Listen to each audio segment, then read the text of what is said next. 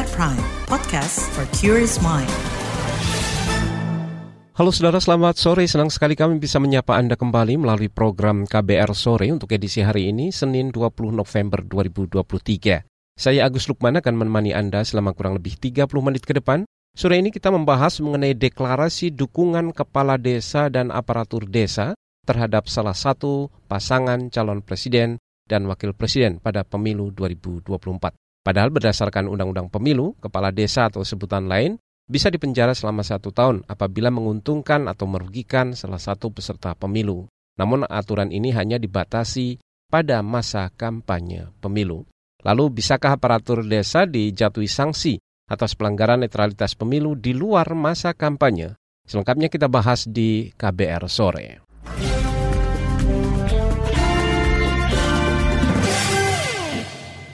Saudara, delapan asosiasi kepala desa yang tergabung dalam Desa Bersatu memberikan dukungan terhadap pasangan calon presiden dan wakil presiden Prabowo Subianto, Gibran Raka Buming Raka pada pemilu presiden 2024.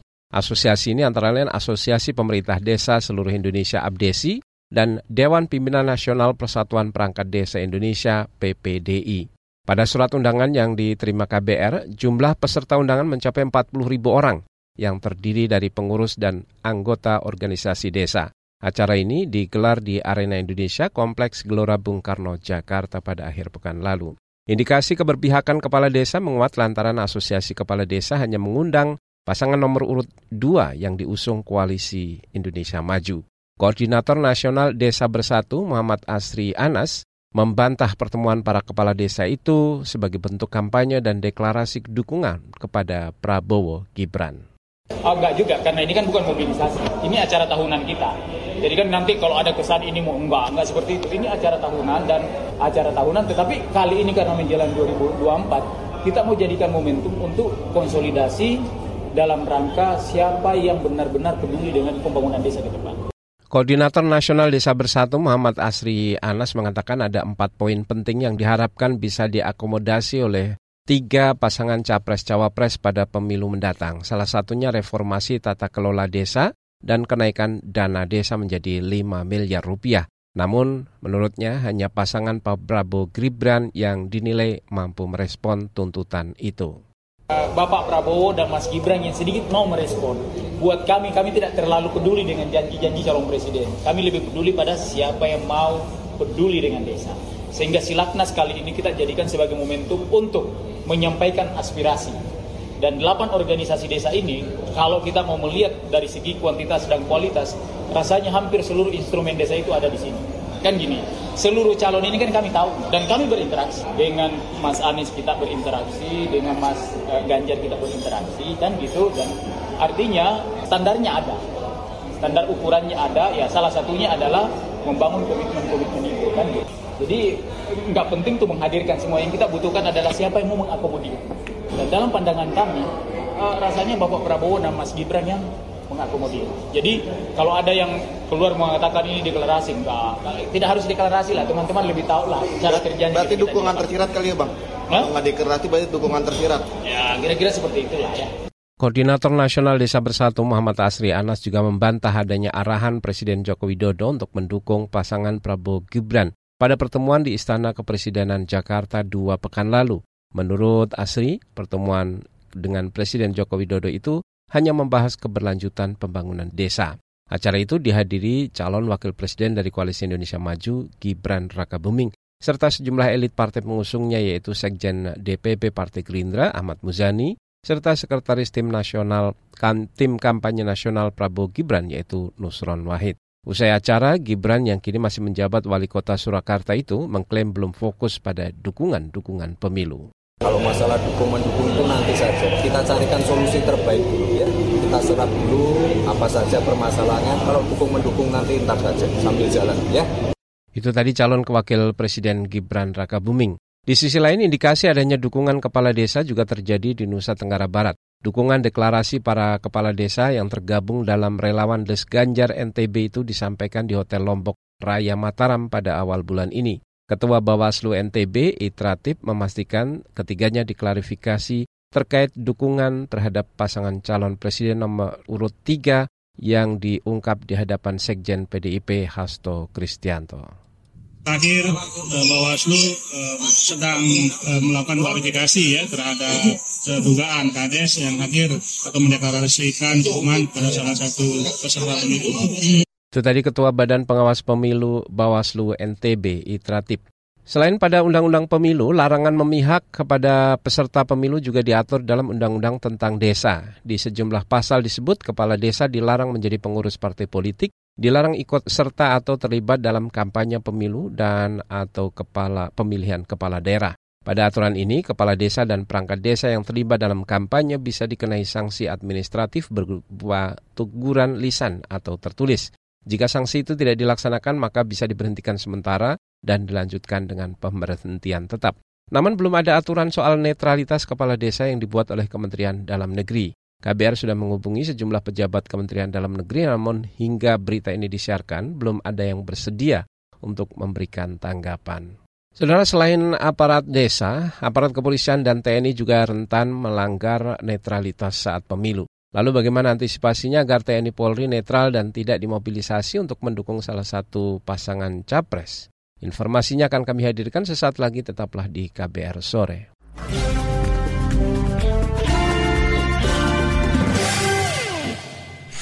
Commercial break. Commercial break.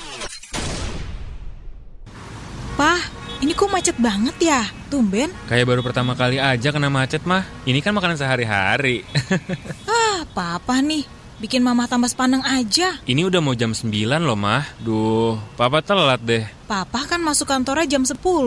Belum telat dong. Bukan masalah ngantor, Mah. Papa nggak mau telat dengerin talk show ruang publik KBR. Tolong dong, Mah, puterin channel radionya. Holah, Papa, Papa. Ruang Publik KBR, talk show yang membahas beragam tema menarik dan informatif, menghadirkan narasumber kompeten.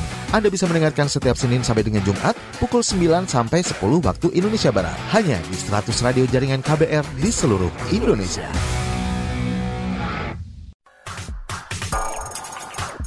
You're listening to KBR Pride, podcast for curious mind. Enjoy!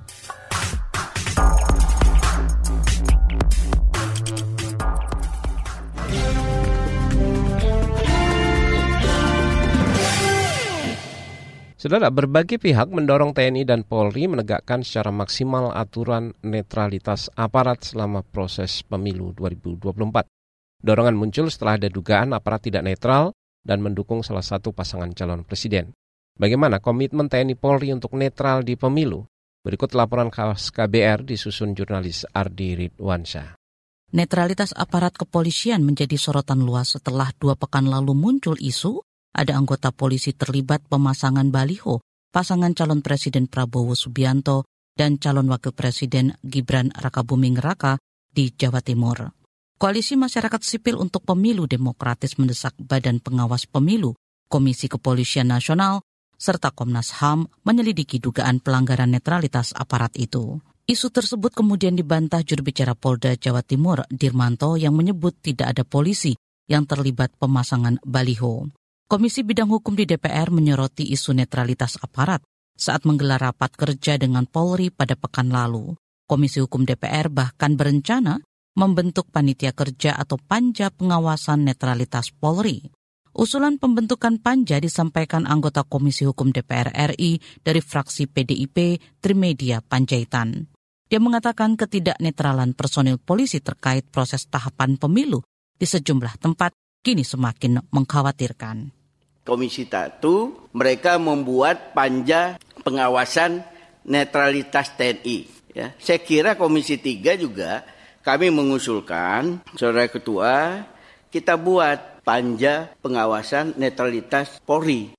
Usulan tersebut disetujui oleh pimpinan Komisi Hukum DPR RI Bambang Wuryanto. Bambang Wuryanto atau Bambang Pacul mengatakan pihaknya segera membentuk panja pengawasan pemilu khusus untuk mengawasi netralitas Polri dalam pemilu 2024. Dia mengatakan pemilu merupakan sebuah ajang pertaruhan yang menentukan nasib bangsa Indonesia ke depan. Karena itu, netralitas aparat negara sangat diperlukan guna menciptakan pemilu yang kondusif dan berkeadilan. Dibentuk panja pengawasan pemilu khusus karena pemilu itu adalah sebuah kegiatan yang mengguncang seluruh rakyat Republik. Gak ada kegiatan lain kecuali pemilu nasional yang itu terjadi pada Sabang sampai bersyukur ya ya nanti akan dibentuk. Dapat melalui rapat internal kita. Ya Sementara itu, Markas Besar Kepolisian menegaskan akan menjaga netralitas aparat kepolisian selama pemilu. Kepala Badan Pemeliharaan Keamanan Kabahar Kampolri Fadil Imran mengatakan, Kapolri Listio Sigit Prabowo sudah mengeluarkan telegram tentang netralitas kepolisian. Sampai dengan hari ini tidak ada fakta yang ditemukan bahwa ada pemasangan baliho oleh polisi. Ya kami terbuka dan Kapolri sudah menyampaikan komitmennya untuk bertindak sesuai dengan SOP dan bila ada anggota yang melanggar SOP pasti akan ada sanksi. Kepala Bahar Kampolri Fadil Imran menegaskan ada lembaga yang bertanggung jawab mengawasi isu netralitas seperti Badan Pengawas Pemilihan Umum, Bawaslu, Sentra Penegakan Hukum Terpadu, Gakumdu, Dewan Kehormatan Penyelenggara Pemilu, DKPP, hingga Komisi Pemilihan Umum KPU. Bahkan di Polri juga ada divisi profesi dan pengamanan serta Inspektorat Pengawasan Umum yang akan menindak anggota polisi jika terbukti melanggar aturan pemilu. Di sisi lain, komitmen netralitas aparat juga disampaikan Panglima TNI Yudo Margono. Yudo Margono mengatakan jika ada anggota TNI yang tidak netral, maka itu merupakan oknum dan bukan perintah atasan.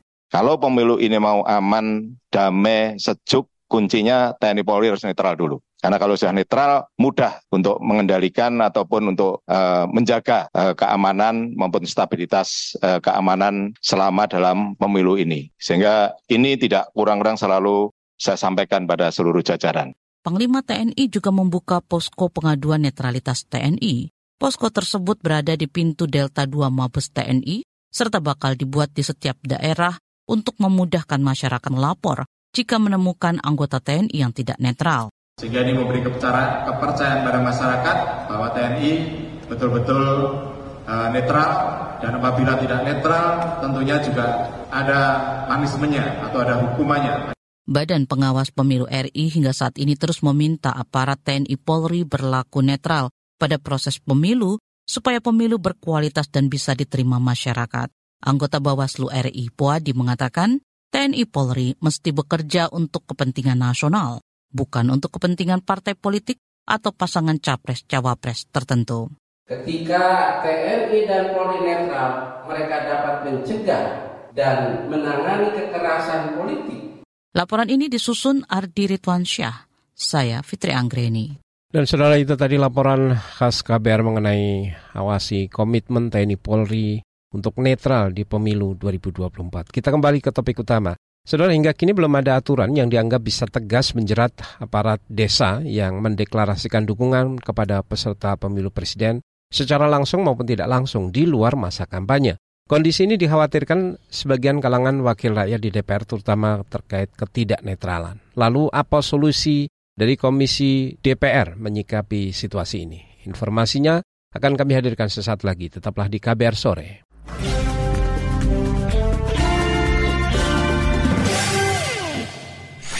Commercial break. Commercial break. Eh, lu, gue perhatiin kayaknya lu ada yang beda deh. Apanya ya? Iya nih, gue kan baru potong rambut. Makin cantik kan? Ih, GR. Bukan rambutnya yang beda, tapi pembawaan lu. Akhir-akhir ini kayaknya makin semangat dan ceria. Jelas dong. Gimana nggak semangat kalau setiap pagi dapat asupan vitamin BP? Hah? Vitamin BP? Apaan tuh? Itu loh, BP, buletin pagi. Bisa aja Lulu, bener banget. Buletin pagi asupan paling pas di pagi hari.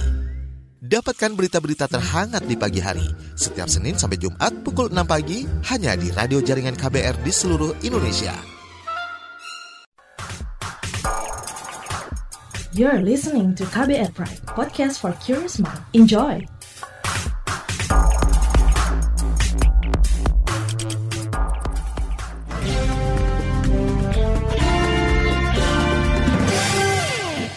Kita lanjutkan KBR sore, saudara. Sebagian kalangan anggota Komisi DPR yang membidangi masalah kepemiluan menyebut deklarasi dukungan kepala desa terhadap salah satu peserta pemilu presiden merupakan hal yang tidak patut. Anggota Komisi Bidang Pemilu di DPR, Mardani Alisera menilai semestinya semua pihak menjaga etika untuk memastikan pentingnya menjaga netralitas dalam pemilu untuk demokrasi.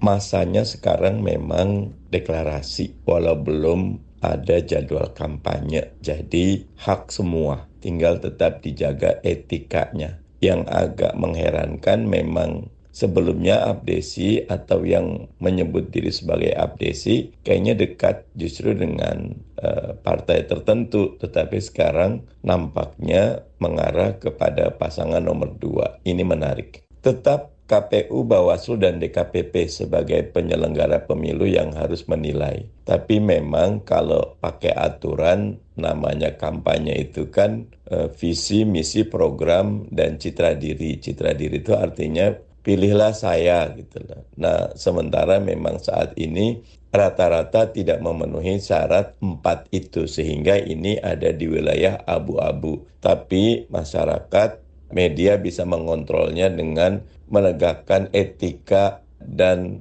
adab berkampanye dengan baik, khususnya penggunaan aparat, penggunaan alat kekuasaan, kebijakan publik yang menguntungkan salah satu calon. Politikus PKS yang menjadi anggota Komisi Bidang Kepemiluan di DPR, Mardani Alisera, mendorong lembaga pengawas pemilu memastikan menutup semua celah kecurangan, termasuk menutup kesempatan bagi aparatur desa untuk memihak pasangan calon tertentu. KPU Bawaslu sudah bekerja tapi memang istilahnya maling selalu lebih pandai dari polisi. Ada banyak celah-celah yang bisa dimasuki, dijadikan wilayah abu-abu, tempat di mana tim hukum biasanya mengambil peluang untuk mengoptimalkan bab ini. Dan ini lagi-lagi terkait dengan etika, etika, dan etika. Susah demokrasi maju kalau tanpa etika, khususnya bagi pemegang kekuasaan. Sementara itu anggota Komisi Bidang Kepemiluan di DPR RI yang lainnya Gus Pardigaus menyerukan Bawaslu menindak segala potensi pelanggaran pemilu. Bagaimana pemilu itu tidak hanya prosedural, bagaimana Bawaslu betul-betul melakukan pengawasan tanpa like and dislike, harus ada keberanian karena pada dewasa ini Bawaslu pun hari ini disorot oleh berbagai elemen bangsa.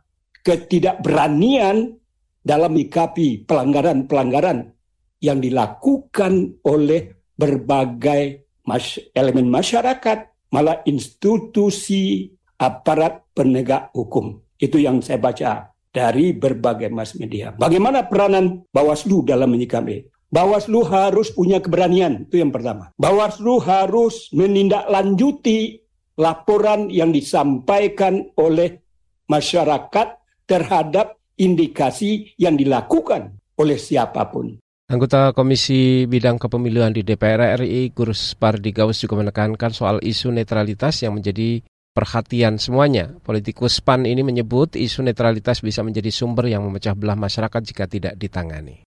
Gunanya apa? Supaya pemilu ini betul-betul dilakukan secara demokratis, pemilu dilakukan dengan jujur dan adil, pemilu dilakukan dengan langsung, umum, bebas, dan rahasia, dan aparat penegak hukum TNI Polri, aparatur sipil negara betul-betul berada pada netralitas agar nanti makin lama ini bisa menimbulkan keterbelahan, bisa menimbulkan kecemburuan, bisa menimbulkan berbagai hal. Peranan penting Bawaslu ini sangat-sangat diharapkan oleh masyarakat. Itu tadi saudara anggota Komisi DPR RI bidang kepemiluan Gus Pardigaus. Di kesempatan berbeda, Ketua Bawaslu RI Rahmat Bagja mengatakan akan mengusut dugaan pelanggaran netralitas kepala desa dalam acara deklarasi dukungan Asosiasi Pemerintah Desa seluruh Indonesia terhadap pasangan Prabowo Gibran. Teman-teman banyak loh, nggak ada Bawaslu kata siapa nggak ada, ini videonya ada, videonya ada, kami ada di situ Pertama, di sana ada ajakan nggak? Laporan dari pengawas yang ada tidak ada ajakan memilih. Baru ya, tapi kita lihat nanti proses video yang ada kita baca nanti dari kita uh, teliti uh, laporan dari pengawas yang ada di lapangan pada saat itu. Ketua Bawaslu Rahmat Bagja mengingatkan para kepala desa dan jajarannya terkait larangan bagi aparatur dan pejabat desa terlibat dalam kampanye pemilu karena ada potensi pelanggaran pemilu. Ada potensi. Pertama, tidak boleh menggunakan aparatur aparat desa dan kepala desa sebagai tim kampanye. Tidak boleh melibatkan. Tim kampanye tidak boleh melibatkan kam, uh, kampanye untuk aparat desa dan kepala desa. Itu jelas dalam undang-undang ada larangan kampanye. Ingat, larangan kampanye pasal 280. Kampanye ya, sekarang belum kampanye atau tidak? Belum kan? Jadi ini harus hati-hati. Jika kemudian masuk kepada masa kampanye, maka tindaknya adalah dugaan, misalnya dugaan tindak pidana pemilu. Karena masuk dalam larangan kampanye. Kalau terberat ya semua bisa diskualifikasikan kalau larangan kampanye ya. Tim kampanye, tim kampanye dan atau tim yang ditunjuk jika melakukan itu maka kena pidana. Jika ada terbukti terhadap alat melakukan itu ada buktinya maka calegnya bisa didiskualifikasi. Dan demikian juga capres. Itu tadi saudara ketua Bawaslu RI Rahmat Bagja dan saudara, apakah ada aturan yang bisa digunakan untuk menjerat aparatur desa dan perangkat desa yang diduga memberikan dukungan terhadap pasangan tertentu ketika di luar masa kampanye? Kami akan hadirkan perbincangannya dengan Guru Besar Institut Pemerintahan Dalam Negeri, Jo Hermansa Johan, sesaat lagi. Tetaplah di KBR Sore.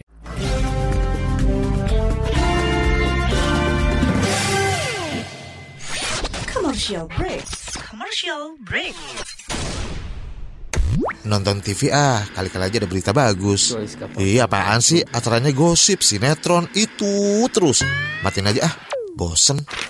Hah, mending baca koran. Coba deh kali ada berita seru ya.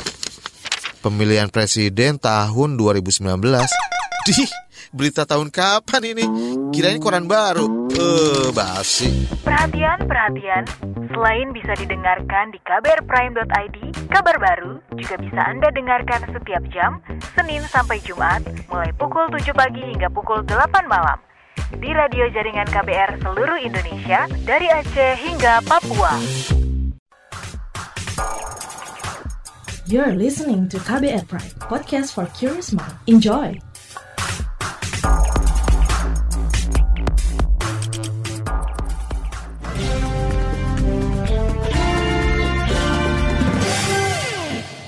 Kita berada di bagian akhir KBR sore. Saudara, Guru Besar Institut Pemerintahan Dalam Negeri IPDN, Joherman Sah Johan, menyebut dukungan kepala desa kepada sebagian atau salah satu calon presiden dan calon wakil presiden dapat merusak pemerintahan desa. Selengkapnya kita simak perbincangan jurnalis KBR Muhammad Rifandi Fahrezi dengan Guru Besar Institut Pemerintahan Dalam Negeri, Joherman Sah Johan. Apa dampak tidak netralnya kepala desa ini? Jadi eh, pemerintahan desa yang baik itu adalah kepala desanya, perangkatnya, BPD-nya nggak boleh berpolitik praktis. Itu udah diatur lah ya di dalam regulasi undang-undang desa, undang-undang pemilu, undang-undang pilkada. Kalau para kepala desa dukung mendukung, lagi dukungannya macam-macam ke berbeda-beda, itu akhirnya pemerintahan desa menjadi tidak mengurusi kepentingan penyelenggaraan urusan desa. Yang kedua kepada masyarakat desa, timbullah perpecahan nanti di masyarakat desa. Jauh mana ya hmm. kepala desa ini bisa memobilisasi dukungan masyarakat? Hmm.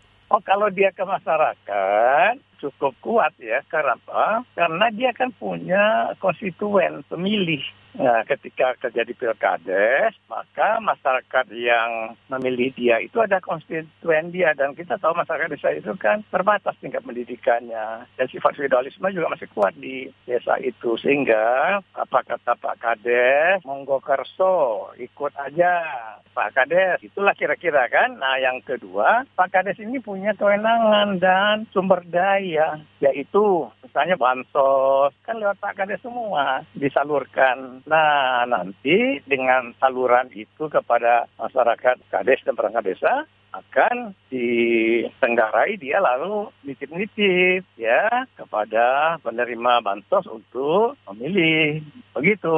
Jadi kalau ada orang yang tidak mau memilih nggak dikasih bansos misalnya oleh si kades. Nah itu kan membuat terganggunya suatu pemilihan yang jujur dan adil.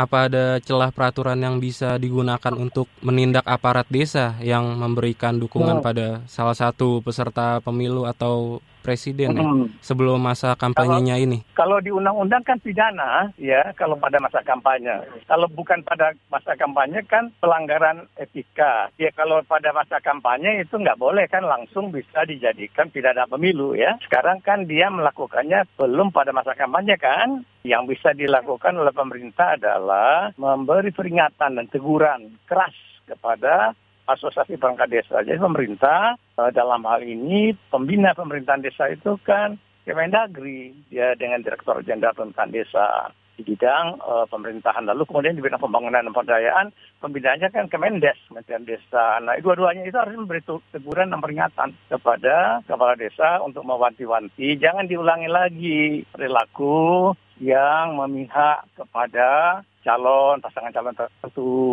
berikan dukungan harus dilarang lah dicegah. Supaya nggak berulang lagi nih kalau nggak minggu depan kumpul lagi kan? Nah kalau anda melanggar anda bisa kami beri tindakan. Organisasi anda itu kami bisa bekukan. Nah, organisasi perangkat-perangkat desa itu kan di bawah pembinaan Kemendagri itu harus diberi peringatan keras. Itu tadi saudara perbincangan jurnalis KBR Muhammad Rifandi dengan Guru Besar Institut Pemerintahan Dalam Negeri Jermansyah Johan. Informasi tadi menutup jumpa kita di KBR sore edisi hari ini, Senin 20 November 2023. Saya Agus Lukman bersama tim yang bertugas kami undur diri. Salam.